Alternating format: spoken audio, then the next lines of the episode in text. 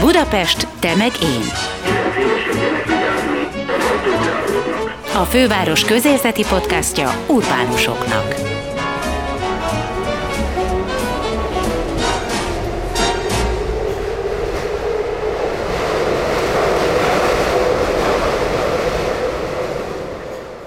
Sziasztok, ez itt a Budapest te meg én podcast.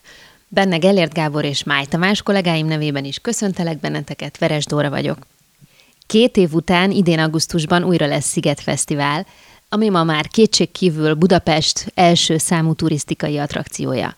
Sok dologra kénytelenek reagálni a szervezők, hiszen a Covid új játékszabályokat írt elő, de az Ukrajnában zajló háború is befolyásolhatja a programokat, a fellépők és a fesztiválozók döntését azzal kapcsolatban, hogy ide látogatnak-e idén Budapestre. A főváros egyébként többek között úgy készül a külföldről érkező vendégekre, hogy létrehozott egy a sziget idejére használható speciális Budapest kártyát, amivel a közlekedésben segíti a szigetre érkezőket, és a város főbb látnivalóihoz kedvezményes belépést biztosít nekik. Az eheti podcastban sok minden más mellett ezekről a kérdésekről is érdeklődtünk Kádár Tamásnál, a Sziget főszervezőjénél. Két évig nem volt sziget, az alatt jól is érezted magad, meg rosszul is. Mikor tudtad, hogy már lesz? A jól is, meg rosszul is, inkább rosszul egyébként, csak hogy gyorsan reagáljak erre a részére is. Mert nyilván amikor bejelentettük 2020 márciusában, hogy a 2020-as sziget elmarad, akkor mi még azt reméltük, hogy na de majd 21-ben. Viszont az relatív hamar kiderült, hogy 21-ben sem, tehát ott nem kellett 2021 márciusáig várni. Viszont tulajdonképpen a, a 21-es sziget előtt már azért nagyjából lehetett sejteni, amikor láttuk, hogy nyáron ez mindig úgy leül ez a Covid, és nem olyan izgi, és nem tudom, kinyílnak a határok, amennyire lehet, ezek a fertőzési hullámok egészen biztosan elkerülik a nyarat, és így tovább, akkor majd nagyjából sejtettük, hogy, hogy 22-ben rendben lesz ez a dolog. És biztosan tudni, hát még, még ma is nagyon sokan megkérdezik, hogy biztosak vagyunk abban, hogy lesz a sziget. Ilyen két év után az ember nagyon nehezen mondja azt, hogy persze, tuti, minden oké. Okay. Mi olyan év eleje óta azért azt mondom, hogy 90% fölötti biztonsággal tudjuk, hogy, hogy meg lesz tartva a sziget, és hát nyilván, ahogy közeledünk a dátumhoz, úgy, úgy a 100%-hoz is közeledünk. Tehát ma már azt, nyilván azt mondom, hogy, hogy, hogy nincs bennünk kételj, semmilyen olyan dolgot nem látunk jönni, ami, ami megakadályozhatná, hogy megtartsuk a szigetet, és mondom ezt azután, hogy azért február 24-én mindenki egy, tehát nem, nem egy pillanatra, hanem tényleg egy napokra sokkolva megállt a háború hallatán, és nagyon nem volt biztos, hogy, hogy meddig jutnak el az oroszok, és egyáltalán hogy fog alakulni ez a dolog. De hát volt, tehát már tényleg azt gondolom, hogy, hogy így ez, ez egy olyan hullámvasút, ami ne, nem jó ülni. Tehát nem, nem egy, nem, nem egy élmény, nem a bulivonat. Az, hogy történt két év Covid, ez mit tud változtatni egy tömegrendezvényen, ami előtte nem ismerte az ilyen típusú veszélyeket?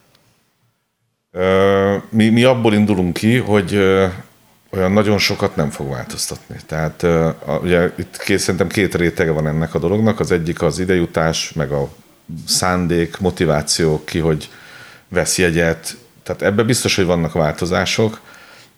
Érzékeljük is, látjuk is. Már hogy mit érzékeltek eddig? Nagyon érdekes, hogy vannak olyan piacok, ahol itt a Sziget nemzetközi piacairól beszélünk, ahol ez pont, egy olyan folyamatot indukált, hogy, hogy előbb kezdték el venni a jegyet, tehát még előbb, még korábban, és vannak olyan piacok, ahol kivárás van, és azt, hogy minél közelebb akarok időbe kerülni a rendezvényhez, hogy én el tudjam dönteni, hogy biztos megtartják-e. Ez a nemzetek habitusa? Biztos, hogy belejátszik a nemzetek habitusa, meg szerintem ami belejátszik, az a, az, az elmúlt két évben tapasztalt fesztiválokhoz kapcsolódó élmények egy-egy országban. Tehát van olyan ország, ahol például volt voucher törvény, erről beszéltünk egy évvel ezelőtt is körülbelül, eh, ahol, ahol eh, gyakorlatilag egy jól kialakított voucher törvény okán nagyon sok jegy van az emberek zsebébe.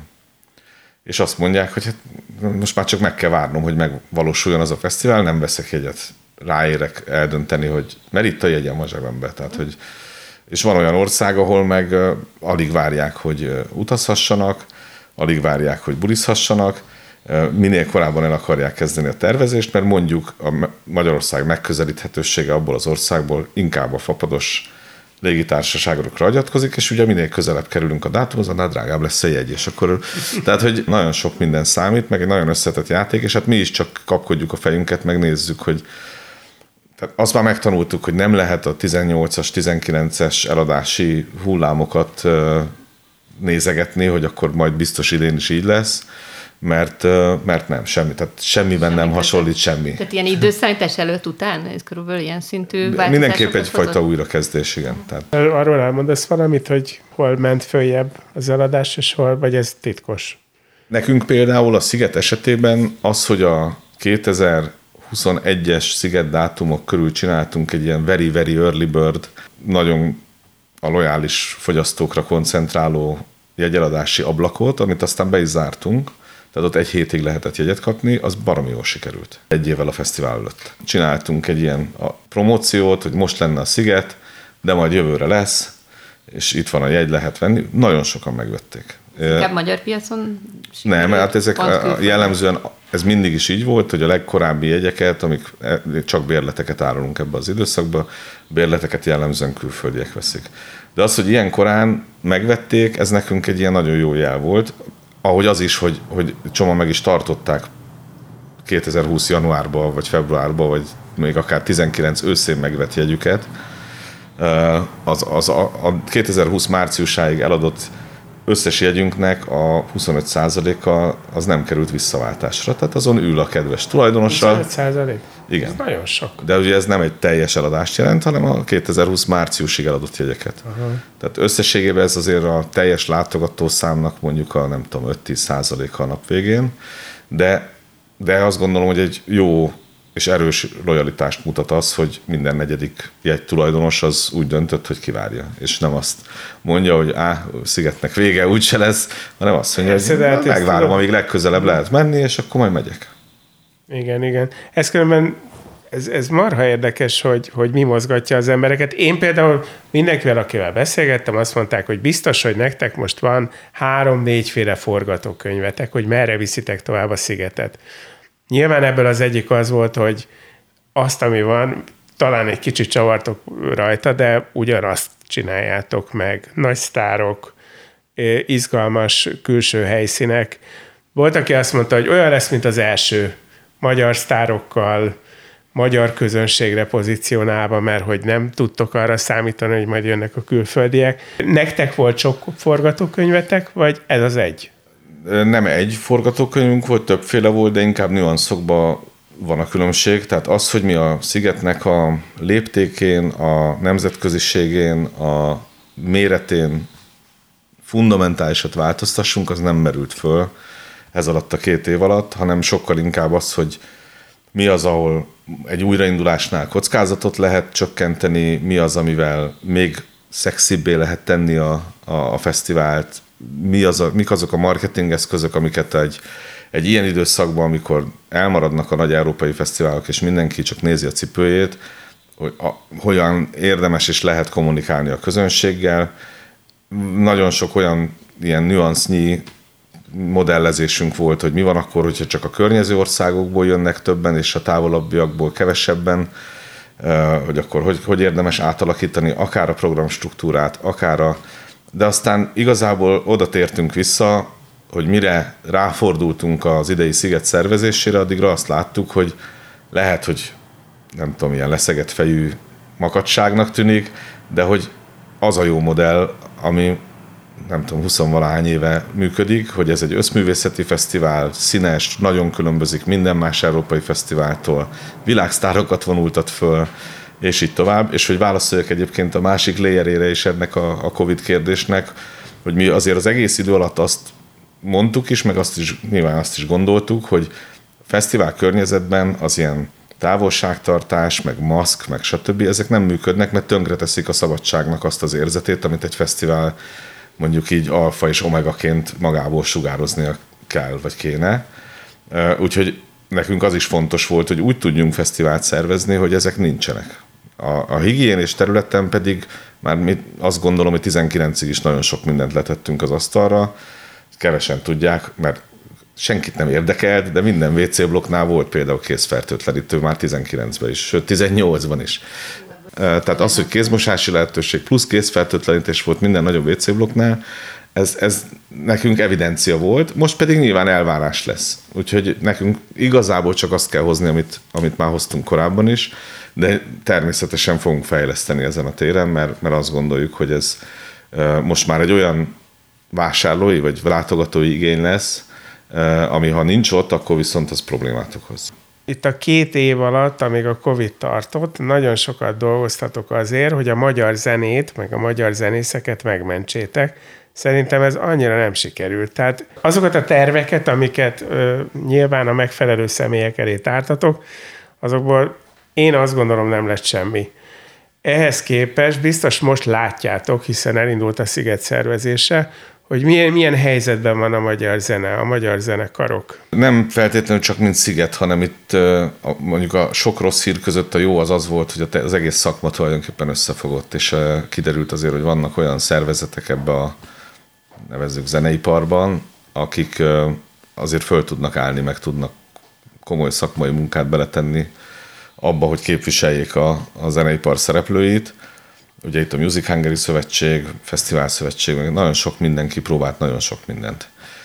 Az, hogy ez nem volt sikeres, ez nézőpont kérdése egyfelől, mert én, az, én ezt már részben sikernek értékelem, hogy egy egyébként nagyon, hát most majdnem a szedetvedett szót használtam, de, de igazából azt mondom, hogy fragmentált szakma, az, az ilyen egységes képet tud mutatni, hogy a, mondjuk úgy a spektrumnak minden végéről tudnak egyfelé beszélni, meg, meg ugyanazt mondani, meg közösen gondolkodni, az már egy tök jó tanulás volt, és szerintem egy picit más, hogy fordul rá most mindenki a, a, az, az új szezonra, mert a menedzserek meg a szervezők, mondjuk akik eddig szembeültek az asztalnál, azért végigcsináltak most együtt egy olyan dolgot, hogy rá kellett jöjjünk, hogy ez, ez az asztal egy, nagy süllyedő hajón van, és tök mindegy, hogy most melyik oldalán ülünk, hogyha elsüllyedünk. Tehát ilyen szempontból ez egy, ez egy, ez egy komoly tanulás volt, és ez, ez egy pozitívum. Az, hogy a, az állami segítség, amiért ez az egész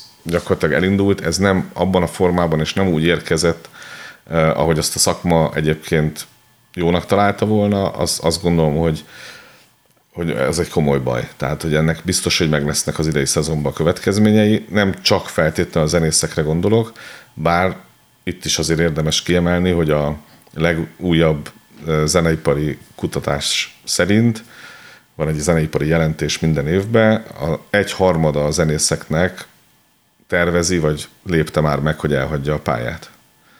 Ami nyilván nem a nagy profi szupersztárok és zenekarok mesdjén fog a legjobban látszani, de hát itt hihetetlen mennyiségű olyan zenész van, volt ebben az országban, akinek ez volt a megélhetése, és amikor az élő fellépések elmaradnak, vagy a vendéglátásban való fellépés lehetősége úgy, ahogy van elmarad, akkor neki az összes bevétele elveszik. És ezen nem segít egy raktárkoncert, vagy nem segít egy őszi hacacáré, hanem, hanem az segít, hogyha valamilyen strukturális minden a szakmában dolgozóra kiterjedő program van, ami egyébként valami sok más európai országban meg is valósult, és nem csak nyugatra kell tekintgetni, hanem a szomszédos Romániában, Szlovákiában, tehát a környező országokban is nagyon komoly és jó programok születtek arra, hogy ezt az iparágat megmentsék a, a, az adott kormányzatok. Nyilván egy sziget fellépés sem mentene meg egy zenekart attól, hogy esetleg tönkre menjen vagy feladja, de azért lehet mondani, hogy valahogy gondolkodtatok azon, a magyar zenekaroknak lehetőséget, esélyt adjatok idén, kicsit nagyobb számú zenekarnak adjatok lehetőséget, mint amennyit szoktatok? Itt két, két dolog találkozik, tehát hogy a Sziget portfóliójában több fesztivál is van, és mondjuk a Volt Fesztiválnál nem tudok olyan, nem tudok olyan fesztivált, amelyiken több magyar zenekar jut játék lehetőséghez, mint a Volt Fesztivál. Tehát az, az valami elképesztő felhozatal, tehát a, a egészen kicsi, felt, vagy nem kicsi, de szóval feltörekvő zenekaroktól a, a tényleg a legnagyobbakig. De ez csak egy dolog, tehát ez nyilván, hogy mondjam, egy, egy, egy fellépés, vagy egy ilyen lehetőség, az nem fogja megoldani a, az iparágnak, vagy a szakmának a problémáit. Nem beszélve arról, hogy, hogy itt nem csak a zenészekről van szó, amikor azt mondjuk, hogy bajban van ez az iparág. De hogy a kérdésre is válaszoljak, a Sziget esetében egy, nem csak emiatt, hanem sok minden más miatt is elkezdjük megváltoztatni a magyar zenéhez való viszonyunkat, és van egy, azt gondolom, hogy egy komoly és jól, jól végig gondolt, sajnos volt rá időnk, tervünk azzal kapcsolatban, hogy a szigeten hogyan tudjuk szerepeltetni a, a magyar zenét, hogyan tudjuk a világnak megmutatni azokat a zenekarokat, akik valami különlegessel tudnak előállni a szigeten. Tehát itt az a célunk, hogy nemzetközi szempontból is izgalmas produkciók legyenek a szigeten, és ez az egyik fele az az, hogy már befutott olyan zenekarok jöjjenek, akik valami különlegeset tudnak itt Tehát mutatni. ez egy elvárássá vált most, ha jól értem. A sajtóanyagban legalábbis kifejezetten így lehet hát olvasni. Igen, durva szó, hogy elvárás. Hát, hogy ne, ne egy átlagos koncerten jöjjön ide valaki, Mi hanem találjon ki valami cirkuszt még. Vagy cirkuszt, vagy valami olyan kollabot, vagy műfai összeborulást, vagy bár akármit, amitől ez a fellépése különleges lesz. Nem elvárás igazából, ez egy felhívás keringőre. Tehát itt ez szerintem a művész, tehát az alkotó folyamatot is tudja kicsit katalizálni, hogyha az ember készül egy speciális bulira, tehát minden nagy magyar zenekarnak mondjuk egy arénába való fellépés, az mindig valamitől különleges. Mi azt gondoljuk, hogy ha kontextusában végig gondolja egy zenekar, és abba az irányba kezd el különleges dolgokat kitalálni, tehát nem csak a show elemekre kell gondolni, hanem tényleg valamitől zeneileg izgalmasabbá, érdekesebbé, mássá tenni a semmiképp se egy szokásos hakni fellépését tenni ezt a, ezt a bulit, az nekünk ez a célunk, és azt gondoljuk, hogy ebből, ebből a zenekar is profitál. Nem csak azért, mert felléphet, hanem mert, mert létrejön valami.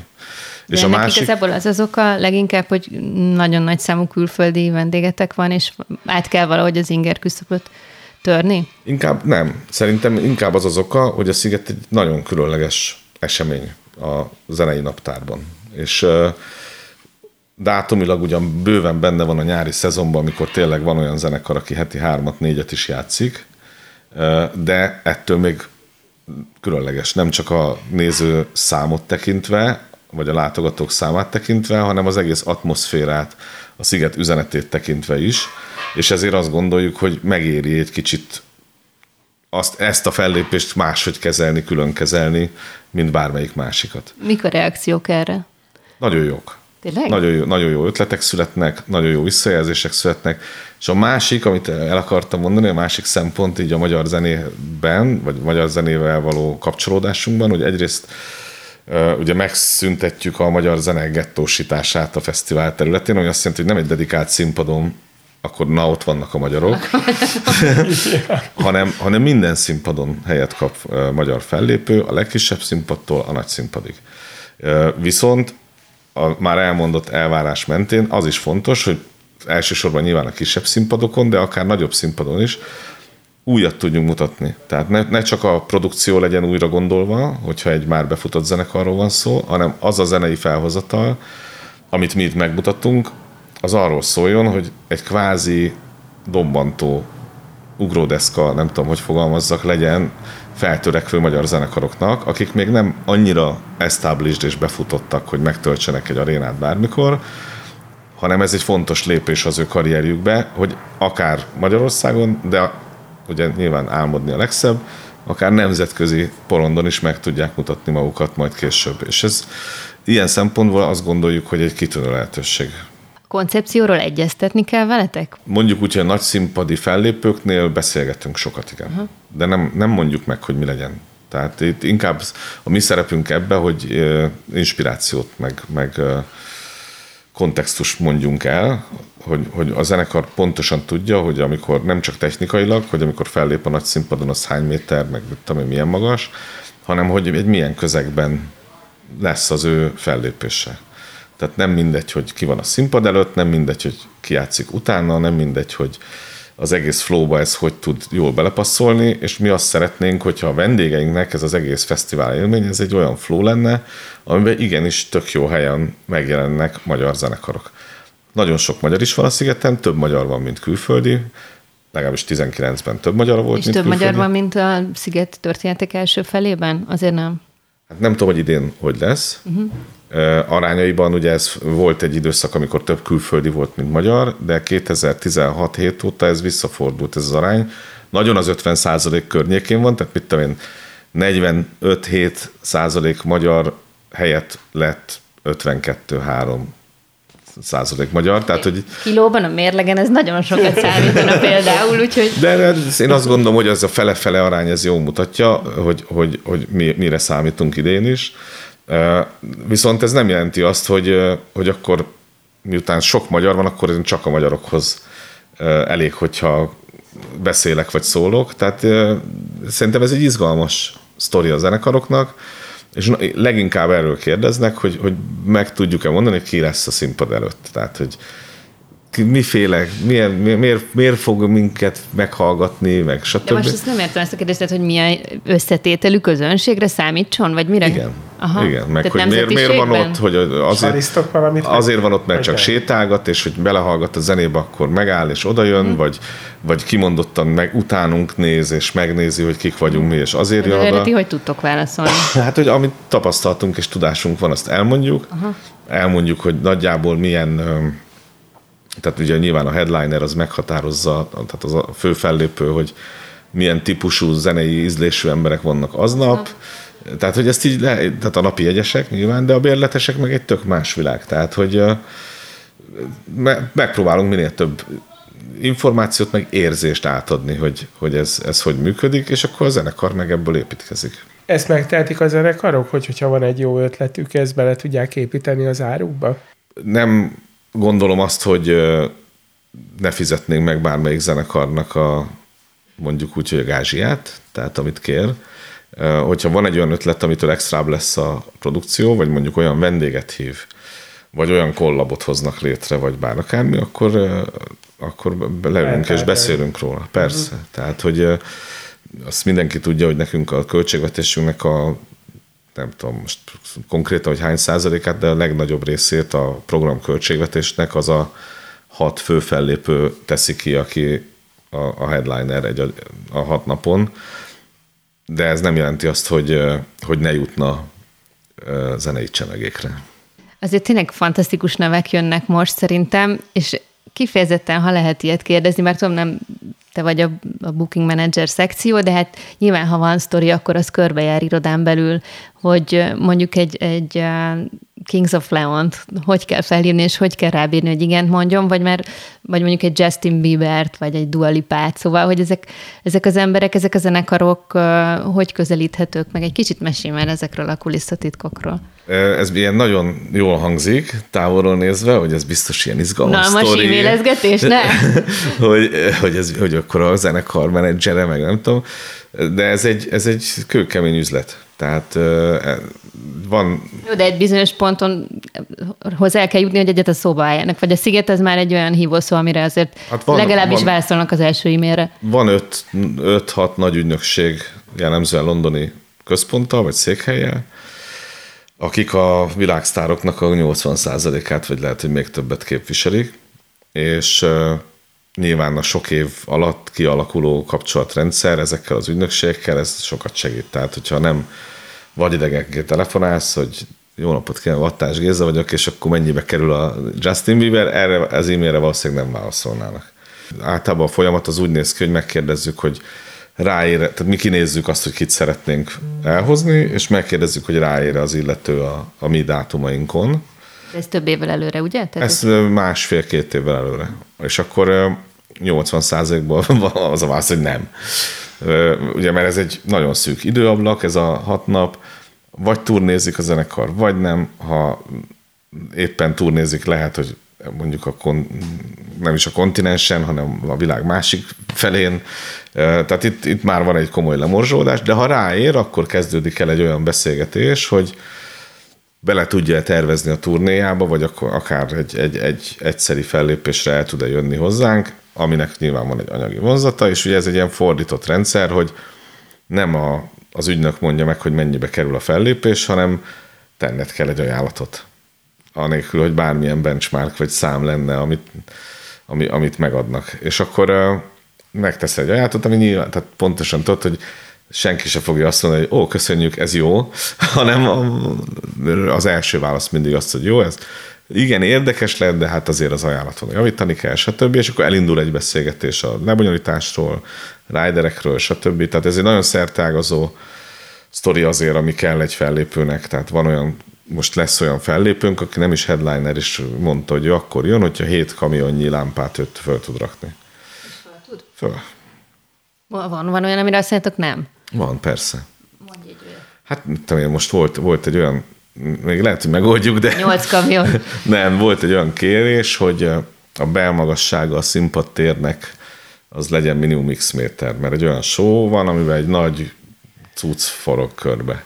És hogyha nem elég magas a színpad, akkor nem tud körbe fordulni ez a cucc, már pedig annak körbe kell fordulnia, és akkor mi megmondjuk, hogy de hát csak mit tudom, ilyen x méter magas a színpad, és akkor nem tud. Hát pedig jó lenne, ha tudna. És akkor elindul egy ilyen beszélgetés, hogy mennyibe kerül, hogy megemeljük a tetejét a színpadnak még nem tudom, két méterre, azt kifizeti, mert az sem mindegy, van, amikor a produkció azt mondja, hogy ők kifizetik ezt a költséget, csak, csak hagyd forduljon meg az a vas. Uh-huh. És akkor, akkor oké. Okay. Tehát nagyon sok ilyen technikai, meg, meg egyéb részlet van, amit, amit végig kell beszélni, meg nagyon sok mindenem múlik, hogy például egy, egy ilyen világsztárnak a turnéja merre kanyarodik, hogy alakul, tehát ő náluk azért ez egy komoly logisztikai tervezés is. Van, aki két, te, tehát két párhuzamos technikai setuppal utazik Európában. Hogy tudja építeni az egyiket, amikor a másik még akár játszik. De azért dobjál már valami plegykát. Nincs most semmi. Akkor viszont beszélj arról, mert van egy nagy közönségréteg, aki nem azért jön, hogy feltétlenül a legnagyobb sztárokat nézze, hanem azokat a finomságokat, amit mindig tud adni a sziget. Egy-két ilyet mondja, ami, ami most szerinted újdonság, még nem láthatták, és szerinted az ínyenceknek be fog jönni. Illetve nagyon sokan vannak, nem kiavítalak, csak akik ennek a kombinációját uh-huh. Nézik.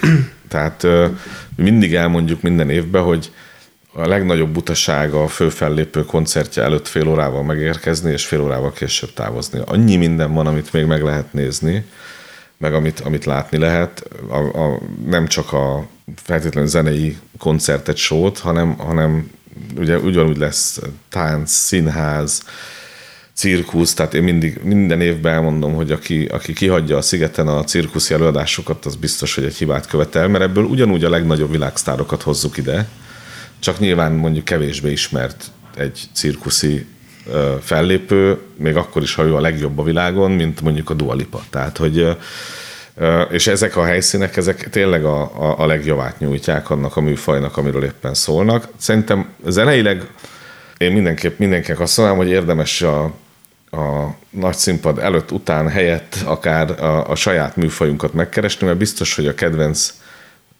zenei irányzatunk az, az, az itt van a szigeten valamilyen formában. Tehát elektronikus zenében most például a, a, a 22-es év az bitang lesz a sziget felhozatal szempontjából. Egyrészt megújítjuk a Kolosseum helyszínt úgy, ahogy van, küllemében is, és olyan világsztárok lépnek föl ebbe az alternatív elektronikus zenei világból, akiket azért nem látunk így egy helyen általában sehol. És ott van mellette a Party Arena, ami szintén egy, új, egy más típusú sátor lesz, tehát egy nagyon érdekes érzet lesz benne lenni, és ott meg még egy pár nevet be se jelentettünk, de lesz, lesz egy-két olyan együttműködésünk ilyen nagy nemzetközi márkákkal, akik a saját stílusukban, hardstyle, EDM, stb elképesztő erősek. Úgyhogy ez az elektronikus zene. Lesz egy új színpadunk is, ami kimondottan a rap, hip-hop világát hozza ide, ráadásul ilyen Bábel tornya koncepcióban, hogy az volt a feltétel, hogy mindenki a saját nyelvén kell, hogy reppeljen, vagy, vagy hip-hoppoljon, vagy éppen ami az ő, vagy trappeljen, ami az ő műfaja, és akkor lehet albán reptől a, nem tudom, finn, francia, nem is, e-, egész egzotikus helyekről jönnek, izlandi rap, ami... Izlandon nem csak metálos mindenki, azt hittem. Ne, mindenhol vannak rapperek mostanában, és ez a, nyilván magyar is egyébként, tehát itt lesz például falunap, meg egy csomó olyan ilyen up and coming story, ami, ami azt gondoljuk, hogy tök jó passzol ehhez a színpadhoz. És ugye azt mondtuk, hogy csomóan, általában a zenehallgatóknak egy jelentős része az angol szöveget se érti. Tehát nem azért hallgatjuk a repet, mert olyan jó a szöveges, sőt, lehet, hogyha értenénk, nem hallgatnánk, hanem mert, mert olyan ritmusa van, olyan tudás van mögötte, ami, ami zenei tudás. És, és ezt, ezt megpróbáljuk így szemléltetni ezen a színpadon. És akkor nyilván ott van a tömérnek nem zenei helyszínünk, amit így összefoglaló néven nem zenei helyszínnek hívunk, amik szintén ilyen iszonyú színes, és a, tényleg azt hiszem, hogy már 60-70 országból jönnek művészek, gólyalábasoktól a, a, tényleg a színházi előadásig minden, minden lesz. Van a szigetnek több szívügye is, azért kettőt emeljünk ki, szerintem a, mindig is egyre zöldebbek szeretnétek lenni. Most van egy olyan akciótok, hogy fát lehet vásárolni a jegy mellé. Ez mit jelent pontosan, és hogyan tudjuk támogatni a környezetvédelmet vele, illetve hát az ukrán háború áldozatai, menekültjei mellett is kiáll a sziget bizonyos formában. Az első, a zöld törekvéseink, igen, ez töretlen, tehát ugye ezt azt gondolom, hogy 17, 18, 19-ben egy elég nagy utat jártunk be, aminek az egyik csúcspontja a Jane Goodának a szereplése volt a 19-es szigeten, és ugye ennek mondjuk úgy, hogy a farvizén, vagy emellett by the way megszüntettük a műanyag szívószálakat, bevezettük úgy a repoharat, hogy most arra gyakorlatilag bármilyen rendezvényre mész Magyarországon repohárban. Tehát ez, ez Tök jó, trendteremtő dolog. Ez egy nagyon jó és nagyon nagy büszkeség nekünk. És ebben most ugye két irányban is tovább lépünk. Az egyik, hogy sőt, igazán nagyon sok irányban, de ami nagyon látványos lesz, az egyik a, az a fővárossal kötött megállapodásunknak az egy hozadéka, hogy lesz egy természetvédelmi terület a fesztivál területén belül, ilyen se nagyon van a világon sehol, amiben egyébként az utakon be lehet majd sétálni. De ez egy kényszerűség tulajdonképpen, nem? Igen, de mi azt gondoljuk, hogy tehát nem véletlenül mondjuk úgy, hogy fogadtuk el ezt a helyzetet, mert, mert azt gondoljuk, hogy ez egy, ez egy unikum is tud lenni. Tehát, hogyha, hogyha jól elmagyarázzuk, hogy ez miért van lezárva ez a terület, hogyha nem eltakarjuk azt a területet, hanem pont, hogy bemutatjuk, akkor szerintem ez egy tök izgalmas projekt tud lenni. Ugye ez az óbudai uh, sáv. Ez a Budához közeleső sáv, tehát a, a gyakorlatilag a, már ki van most táblázva egyébként a, a, a szigeten a természetvédelmi terület, és most azon dolgozunk egy részben a fővárossal, részben a WWF-fel, hogy, hogy bemutassuk ezt, hogy ez mitől az. Tehát, hogy igenis vannak olyan természeti értékek, amikre oda kell figyelni, még akkor is, hogyha egyébként te szívesebben sátraznál ott a, a nem tudom, csillagvirág feje fölött. Tehát ez, ebből megpróbálunk egy ilyen izgalmas projektet csinálni, de a, a másik rész pedig, hogy, a, hogy, hogy egyrészt a, légitársaságoktól loptuk az ötletet igazából, hogy egy úgynevezett CO2 kompenzációs erdőt telepítünk Nógrád megyében, és szerintem ez egy tök jó sztori, hogy egy nem tudom, egy dél-francia tud venni egy fát Bedepuszta mellett. Miért pont ott? A Bedepuszta úgy jött egyébként, hogy ugye a 2019-ig a holland piacunkért egy Elroy Tümler nevű holland úriember felelt, aki oda költözött Bedepusztára, sőt, ott már elég sok házat meg is vett, felújított, és egy ilyen, hát egy ilyen, nem is tudom, mit, mit készül csinálni abból a faluból, de szerintem a, a mintapolgármester lenne. Ő, ő, annak ellenére, hogy egy két méter magas, kopasz holland ember,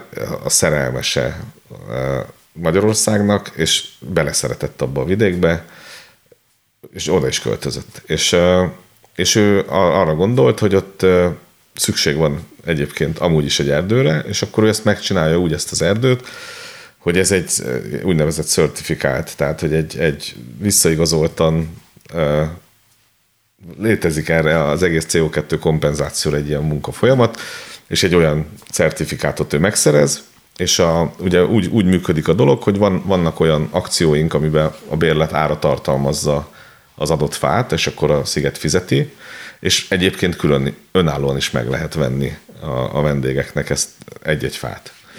És ez most ez egy hosszú, nyilván hosszú távú projekt, hiszen ez nem, nem az, hogy kijövőre kész, igen. igen, hanem ezt végig fogjuk dokumentálni, és a kedves fatulajdonosok majd ráböghetnek, hogy ez a cser, ez az enyém.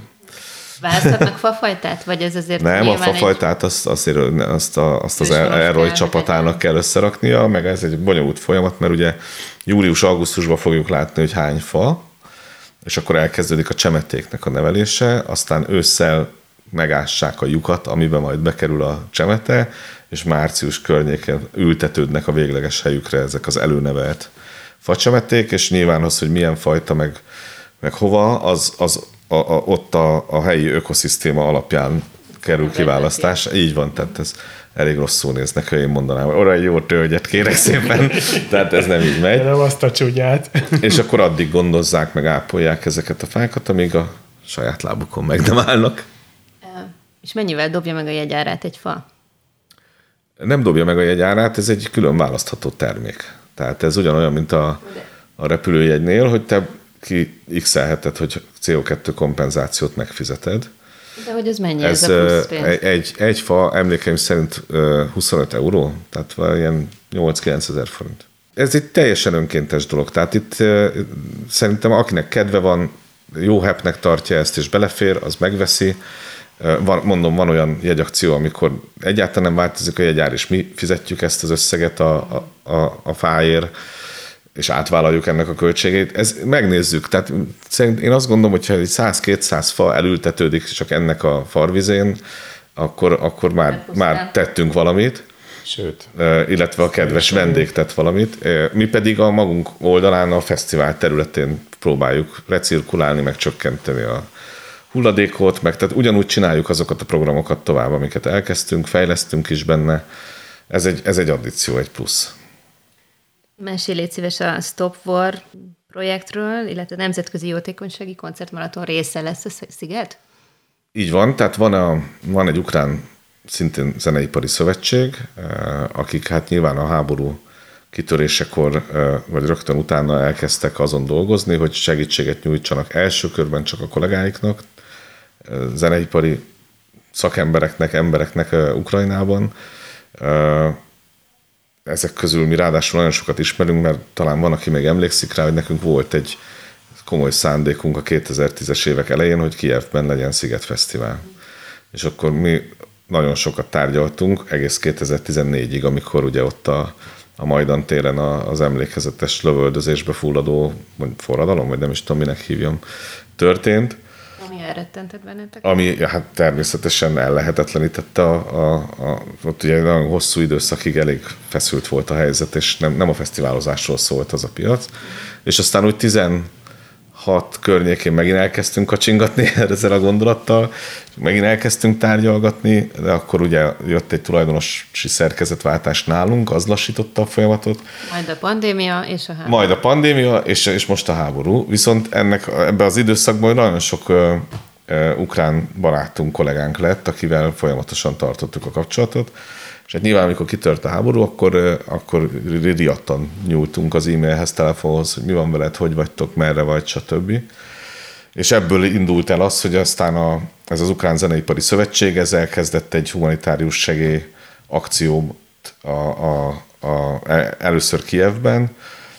Van ott egy Atlas Fesztivál nevű nagyon nagy fesztivál egyébként Kievben, vagy volt, és a fesztivál helyszínén felállítottak egy nagy ilyen elosztó központot, ahol élelmiszert, ruhát, stb. adtak a kievieknek, ami Kiev ostrom alatt volt.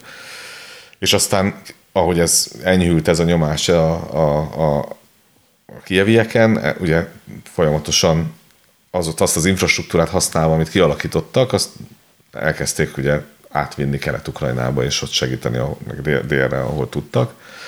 És e, ők csináltak egy fundraising, tehát egy, tényleg egy ilyen pénzgyűjtő nagy koncertet egy lengyel és egy ukrán tévétársággal közösen, amit egyébként a 24 országban vettek át tévétársaságok, és ebben zené, ukrán és nem ukrán zenészek, tényleg világsztárokig vette Imagine Dragons, meg nem tudom, tehát óriási fellépőik voltak ennek, a, vagy szereplői voltak ennek a műsornak.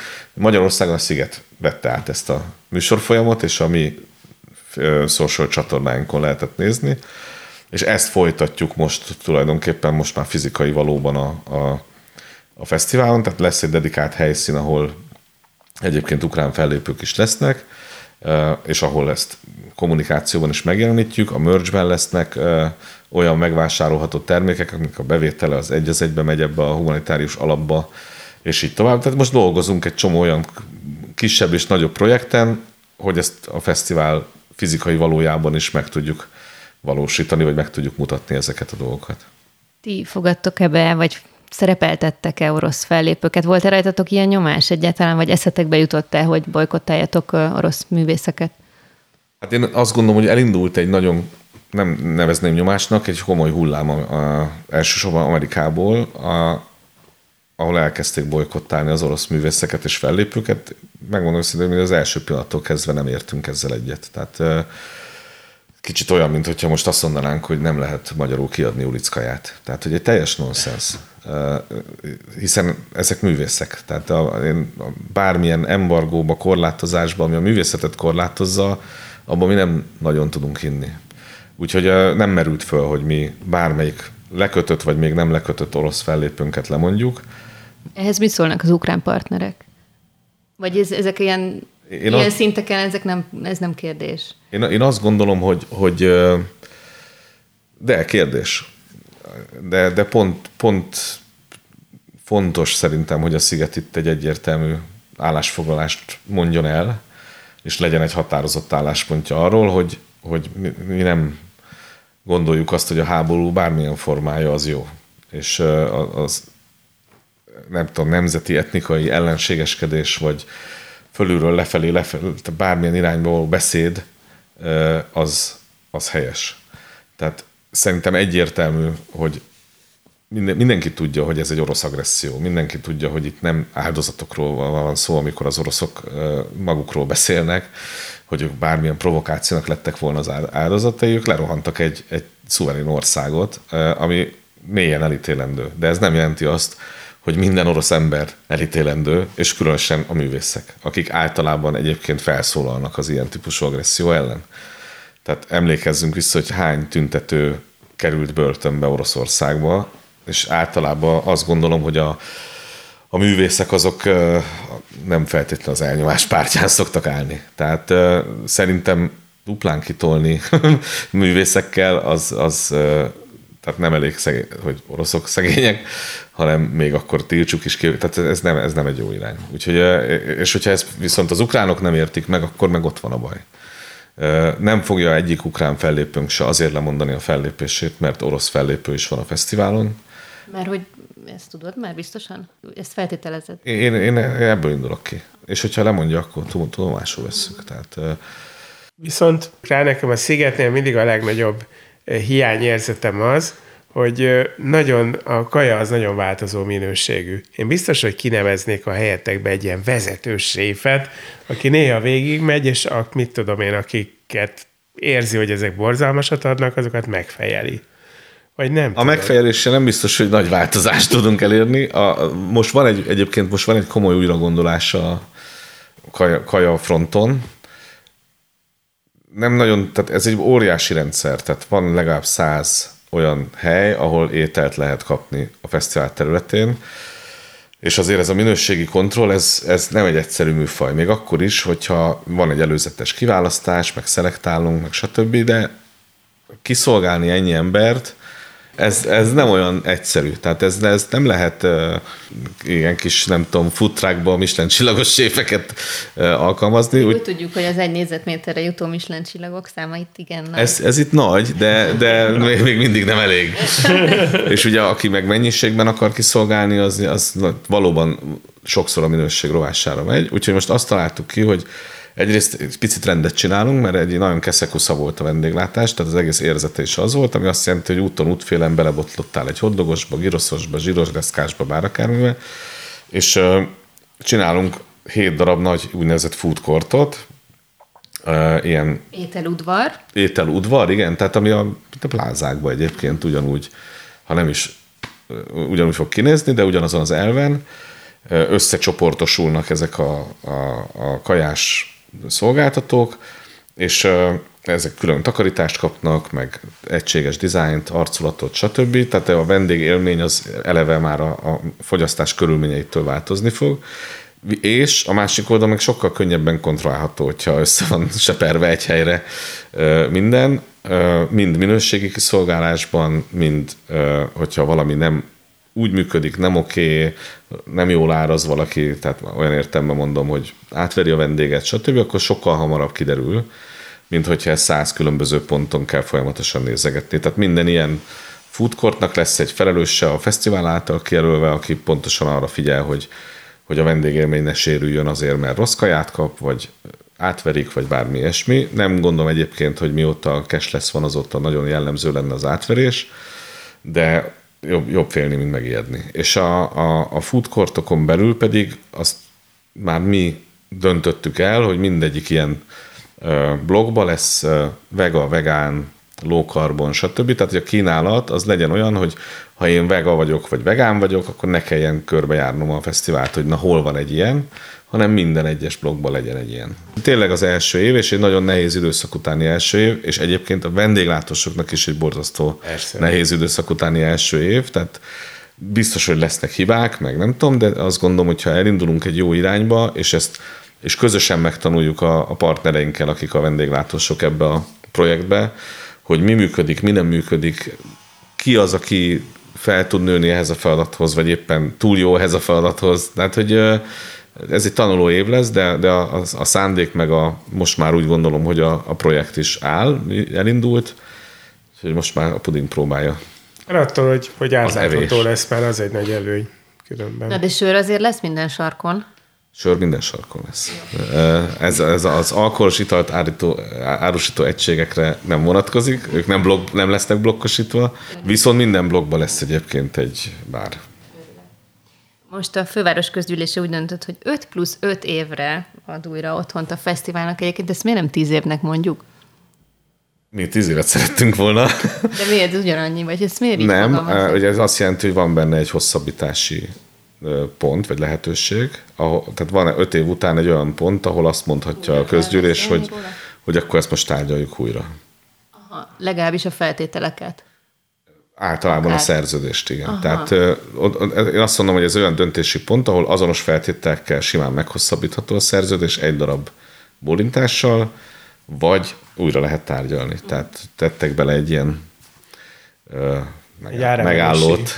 Jó, azért ez tök, tök sok és tök szép. Viszont ennek az együttműködésnek az, ennek a jegyében megszületett a Budapest Card Sziget Edition. Így van ami elsősorban nyilván a külföldi vendégekre fókuszál, és azt próbálja elérni, hogy a szigeten kívüli budapesti látnivalókat, élményeket is próbálja ki a, a, a turista.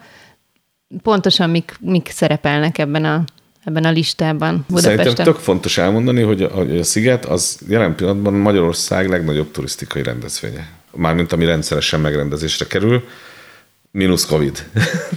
az azt jelenti, hogy 2019-ig évente 100 ezer külföldi jött emiatt Budapestre. És mi pontosan tudjuk, hogy ez a 100 ezer külföldi, aki emiatt jön Budapestre, ez nem csak a szigetre jön, hanem jó esetben, nem mindenki, de, de nagyon sokan közülük összekötik egy városnézéssel, jövésmenéssel a városban, egy Budapest élménye ezt a dolgot. És ugye az első és legfontosabb minden ilyen terméknél, ami ezt segíti, vagy, vagy erre, erre a hullámra ül föl, hogy a közlekedési kérdéseit oldja meg a kedves vendégnek. Tehát ez azt jelenti, hogy a, a Budapest Kárnak ez a Sziget edition ami egyébként kísértetiesen hasonlít a City Pass nevű Sziget által üzemeltetett termékre a korábbi évekből.